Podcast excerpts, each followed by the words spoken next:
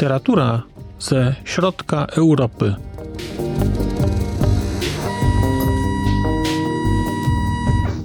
Podcast około książkowy.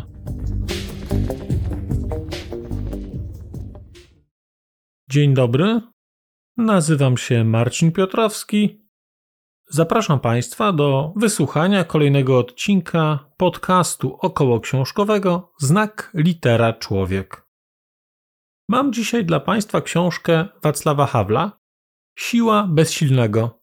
Reportaż z pierwszego uwięzienia. Książka jest stosunkowo nowa. Ukazała się w roku 2022 w Polsce. Ukazała się nakładem ośrodka Karta, a przełożył tę książkę Andrzej Jagodziński. Mam wrażenie, że bardzo dużo można byłoby powiedzieć o genezie powstania tej książki. Uniknę jednak pokusy opowiadania Państwu o tym e, samodzielnie, bo znakomicie zrobił to Andrzej Jagodziński. Wydaje mi się, że w dwóch rozmowach z Teresą Drozdą w podcaście Drozdowisko. Ja załączę Państwu w opisie tego odcinka linki i bardzo, bardzo polecam posłuchanie o okolicznościach powstania tej książki o okolicznościach odnalezienia tej książki, o drodze, którą przebyła, bo jest to rzecz bardzo, bardzo wyjątkowa. To nie jest książka, która była po prostu gdzieś leżała, czekała i w końcu została wydana. To jest książka, o której nie było wiele wiadomo, poza tym, że Wacław Havel taką książkę pisał, ponieważ obawiał się, że czechosłowacka służba bezpieczeństwa w czasie rewizji mu tę książkę znajdzie, więc on tę książkę maskował. Pisał ją jakoś na odwrotach różnych kartek, na odwrotach różnych innych zapisków, w książkach. Ukrywał ją. I ukrył ją tak dobrze, że później sam zapomniał i nie mógł jej znaleźć. I zresztą tytuł czeski tej książki brzmi Gdzieś to schowałem, czy gdzieś to zapodziałem. I ta książka została zapodziana zniknięta i trochę przez przypadek odkryta w czasie pandemii, została poskładana, no i jest.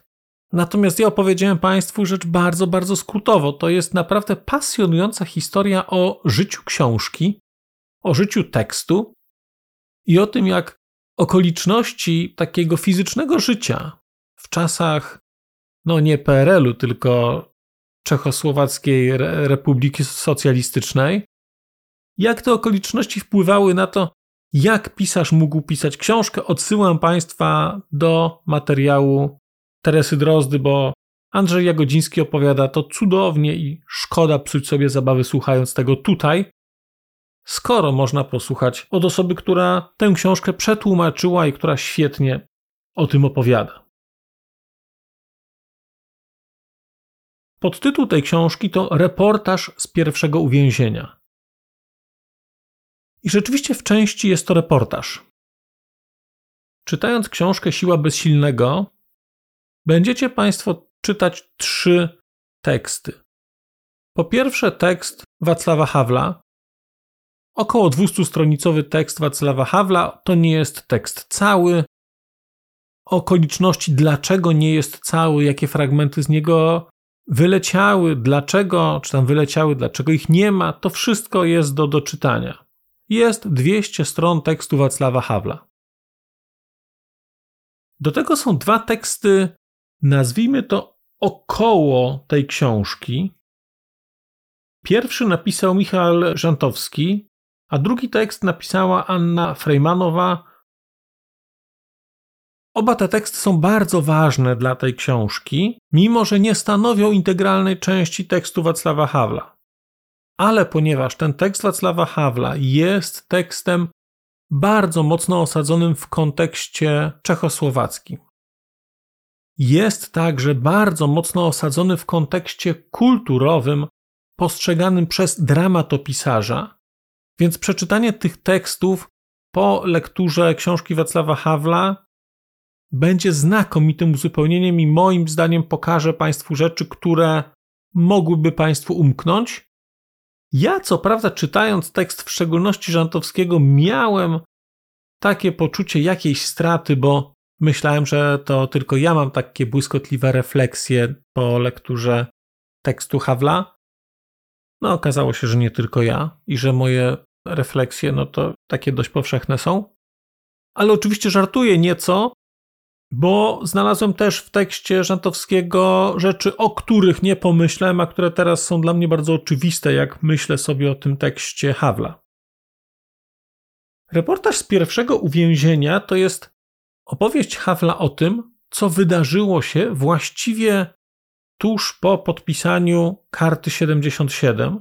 I pierwsza część tego tekstu to opisuje i okoliczności powstania tej karty, i okoliczności zebrania podpisów, i próbę dostarczenia tych podpisów, i jakąś milicyjną pogoń za osobami, które tę kartę chciały dostarczyć. I jest to trochę takie, nazwijmy to reportażowo sensacyjne.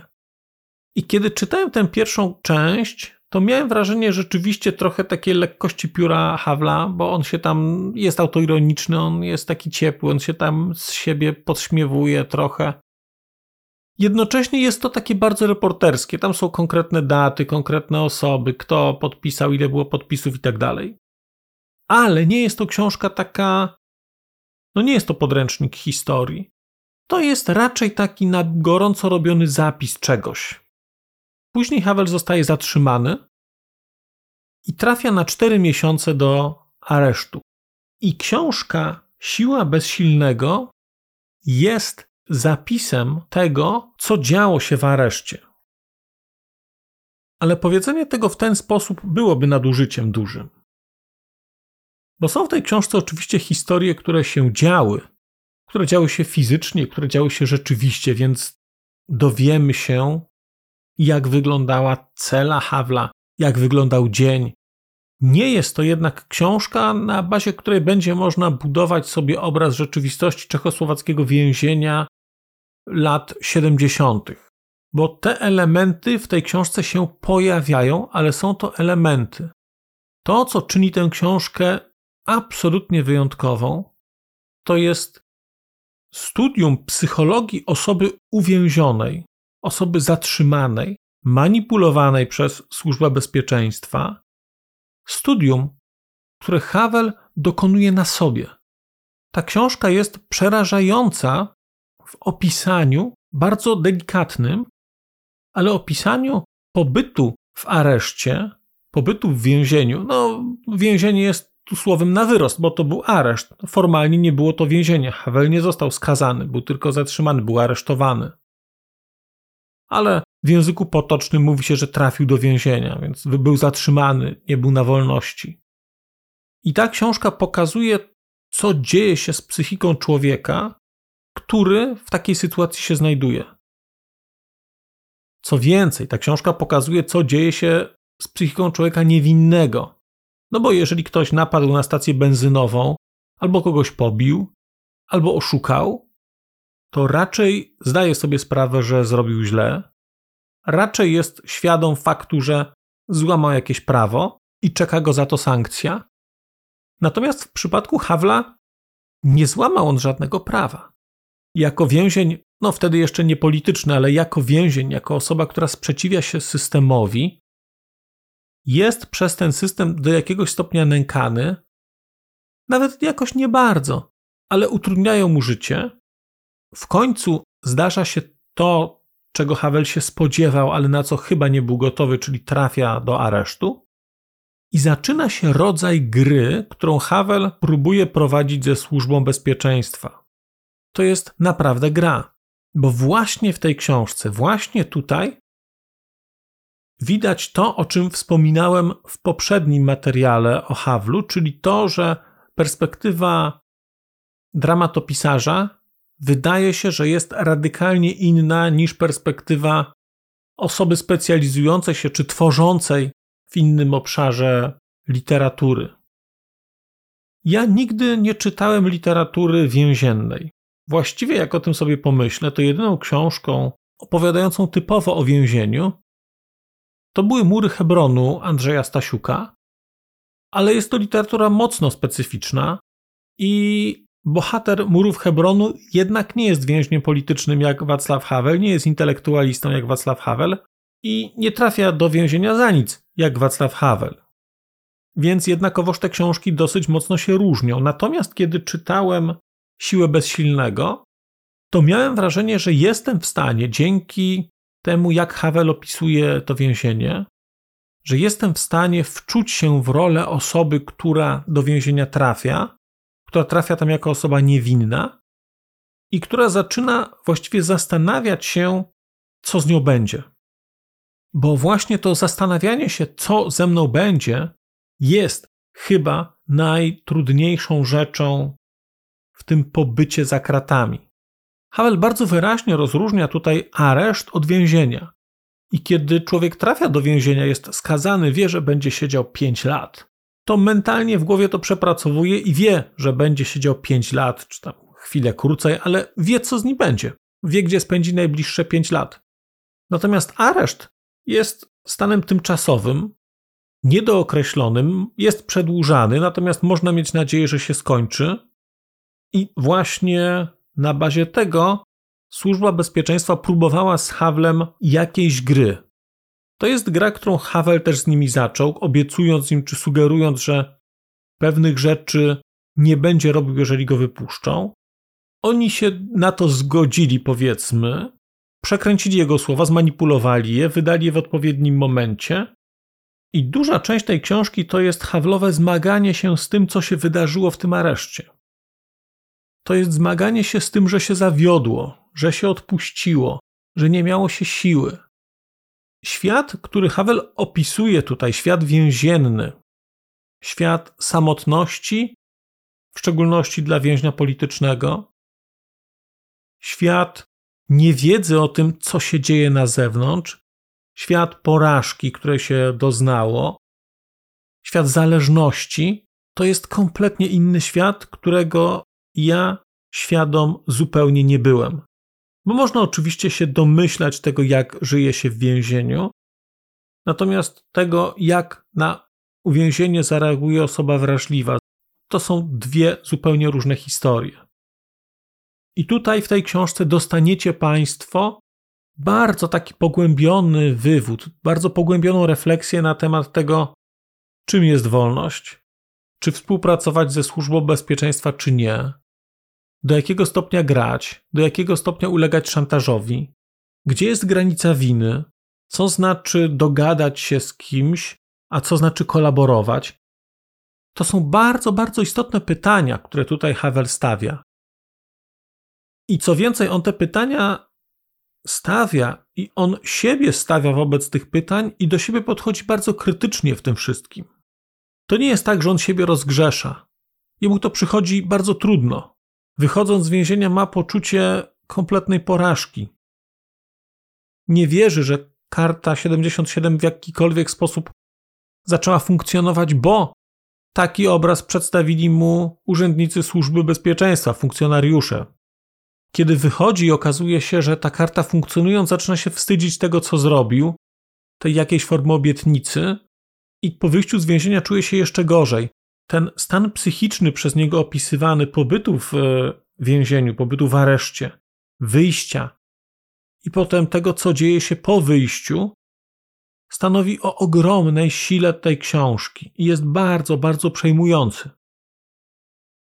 Przez długi czas, kiedy tę książkę czytałem, miałem wrażenie, że jest to książka jakoś wpisująca się w nurt, nazwijmy to kawkowski, w nurt, trudno powiedzieć, że zmagań, tylko w nurt takich rozważań, kiedy niewinny człowiek zostaje przez aparat państwowy porwany, zmiażdżony i wypluty. Więc tutaj jest inaczej, ale o tym dowiecie się Państwo później. Na początku ta książka była dla mnie kawkowska, ale później w tej książce pojawia się diabeł. Nie szatan. Pojawia się diabeł. I ten diabeł, który Hawla kusi, który mu coś oferuje, z którym, czy który doprowadza do pewnych rzeczy, nadaje tej książce takiej bardzo ciekawej głębi i stawia Hawla w takiej sytuacji, w której normalnie by się nie znalazł. Jest też ten diabeł, diabeł w nim, ale także diabeł w innych. Przyczynkiem do twórczości późniejszej. I o ile na początku wydawało mi się, że ta książka będzie książką kawkowską, to to jest książka o Mefistofelesie, to to jest książka o Faustie, to jest książka o Pakcie. W drugiej części Siły Bezsilnego Faust i Mefistofeles będą odmieniani przez wszystkie przypadki. A w tekstach krytycznych, które znajdziecie Państwo po książce Wacława Hawla, no to dostaniecie już te tematy mocno przepracowane, ze wskazaniami, jak pobyt przez cztery miesiące w 77 roku w więzieniu wpłynął na całą późniejszą twórczość Hawla dramatyczną, jak wątek Mefistofelesa i Fausta pojawiał się gdzieś indziej, jak był inkorporowany do innych sztuk Hawla, także tych najgłośniejszych, późniejszych. I to zrobiło na mnie bardzo duże wrażenie, bo jedna rzecz to jest, jak człowiek zachowa się w więzieniu, druga rzecz to jest studium tego osobistego dramatu, studium zachowania. Ale na to wszystko Havel nakłada jeszcze ten wątek, no nie mityczny może, ale bardzo głęboko kulturowy, taki europejski, paktu z diabłem, próby wciągnięcia człowieka w jakiś układ. Wątek współpracy z siłami zła jest w kulturze obecny. I w ramach siły bezsilnego zobaczą Państwo, jak cztery miesiące w 77 roku wpłynęły na całe późniejsze życie Hawla jako pisarza, jako dramaturga, jako człowieka, jako obrońcy praw człowieka. No, pasjonujące to jest. Pasjonujące to jest, kiedy człowiek zastanawia się, jak potoczyłaby się historia, już nie mówię o politycznej, chociażby historia dramatu czeskiego, gdyby Hawla w 77 roku nie zamknęli na 4 miesiące. Gdyby nie miał tych refleksji, które go w tym więzieniu spotkały. Rzecz jest pasjonująca. Będziecie Państwo też musieli odpowiedzieć sobie na pytania takie natury moralnej. Do jakiego stopnia można sobie wybaczyć? Do jakiego stopnia można siebie oskarżać?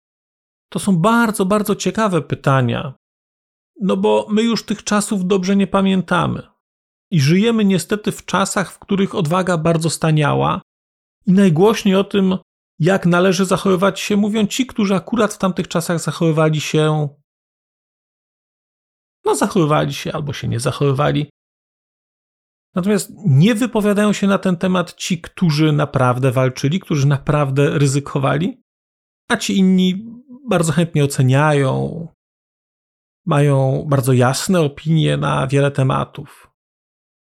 Bardzo będę ciekaw Państwa opinii na temat Wacława Hawla bo mnie ta książka oczarowała to jest złe słowo, ale dodatkowo zbudowała w mojej głowie opinię bardzo pozytywną o Hawlu. Bo wydaje mi się, że trzeba mieć bardzo wiele odwagi i uczciwości. Ta książka pokazuje to dochodzenie do tej uczciwości, odkrywanie siebie. Żeby przyznać się do pewnych rzeczy, a później, żeby przełamać się i zrobić coś na nowo Przyznam, że zazdroszczę Czechom. Zazdroszczę Czechom tego, że w XX wieku mieli dwóch prezydentów, którzy byli wysokiej klasy intelektualistami i najgłębszymi humanistami. Bo był Tomasz Garik Masaryk, o którym mam nadzieję, że będę jeszcze robił audycję, bo jest postacią wyjątkową i jak ktoś uważa się za humanistę, to myśli Masaryka powinien znać, bo to jest coś niesamowitego. I z drugiej strony mamy Wacława Hawla, to jest początek wieku i koniec wieku. Początek Republiki Czechosłowackiej, koniec Republiki Czechosłowackiej i początek Republiki Czeskiej. Myślę, że my nie mieliśmy tyle szczęścia. Myślę, że my nie mieliśmy intelektualistów jako prezydentów, jako głównych polityków. Mieliśmy Tadeusza Mazowieckiego, ale ale sami Państwo wiecie. I w tym kontekście myślę sobie, że jest być może coś unikalnego w Czechach, że pozwalają sobie na to, żeby szefem państwa przez długie lata, długie lata w Republice Czechosłowackiej był Masaryk, a później, żeby był Wacław Havel. I być może jest jakaś korelacja między cechami narodowymi a tymi, kto rządzi danym krajem, na co ludzie się godzą, kogo chcą jako szefa. I ja gdzieś miałem wrażenie, że skala Masaryka, skala Hawla to jest tak, jakby w Polsce prezydentem był Zygmunt Bauman albo Leszek Kołakowski. No to jest ten poziom refleksji o życiu, ten poziom wrażliwości, ten poziom takiej najgłębszej wiary w dobroć drugiego człowieka. No Czesi to mają, my nie mamy, ale, ale może kiedyś doczekamy się humanisty wiodącego nas gdzieś, czy dającego nam przykład na najwyższym stanowisku. No nie wiem, nie wiem. Tak czy siak, siła bezsilnego, znakomita rzecz, książka, w której przeczytacie z jednej strony reportaż, z drugiej strony rozprawki na temat dramatu, z trzeciej strony historię z więzienia, z czwartej strony psychologiczne analizy zachowań w takich dziwnych miejscach, w takich dziwnych układach. Książka bardzo, bardzo niejednoznaczna, ta książka była przez Hawla bardzo mocno skomponowana. Tu nie wszystkie rzeczy się w tej książce pojawiły, bo on miał koncept na tę książkę bardzo inny, ale ponieważ ona została odkryta po śmierci już jego, no to, no to nie został ten jego koncept w całości zrealizowany. Natomiast to było zaplanowane, zaprojektowane na takim bardzo, bardzo konkretnym poziomie, jak to wszystko ma być poukładane. I właśnie taką książkę czytając siłę bezsilnego będziecie Państwo mogli znaleźć. Bardzo Państwu dziękuję za dzisiejsze spotkanie. Zachęcam do komentowania. Bardzo ciekaw jestem, czy czytaliście Państwo Siłę Bezsilnego i jakie ogólnie macie refleksje w stosunku do postaci Wacława Hawla. Ja mam pozytywne. Bardzo dziękuję za dzisiejsze spotkanie. Powrócę do Państwa wkrótce. Dzisiaj mówię do usłyszenia. Przez mikrofon mówił do Państwa Marcin Piotrowski. A już zupełnie na koniec powiem, że skoro wysłuchaliście Państwo tego odcinka, to w jego opisie znajdziecie link do serwisu YouTube. W wersji YouTube'owej e, jest miejsce na skomentowanie go. To jest takie miejsce, gdzie można komentować ten odcinek, rozmawiać, zadawać pytania, wymieniać się spostrzeżeniami, do czego Państwa bardzo zachęcam, gdyż udało się już na tym YouTubie zgromadzić trochę bardzo ciekawych osób, bardzo ciekawych komentarzy i trochę stworzyć taką społeczność ludzi rozmawiających o książkach.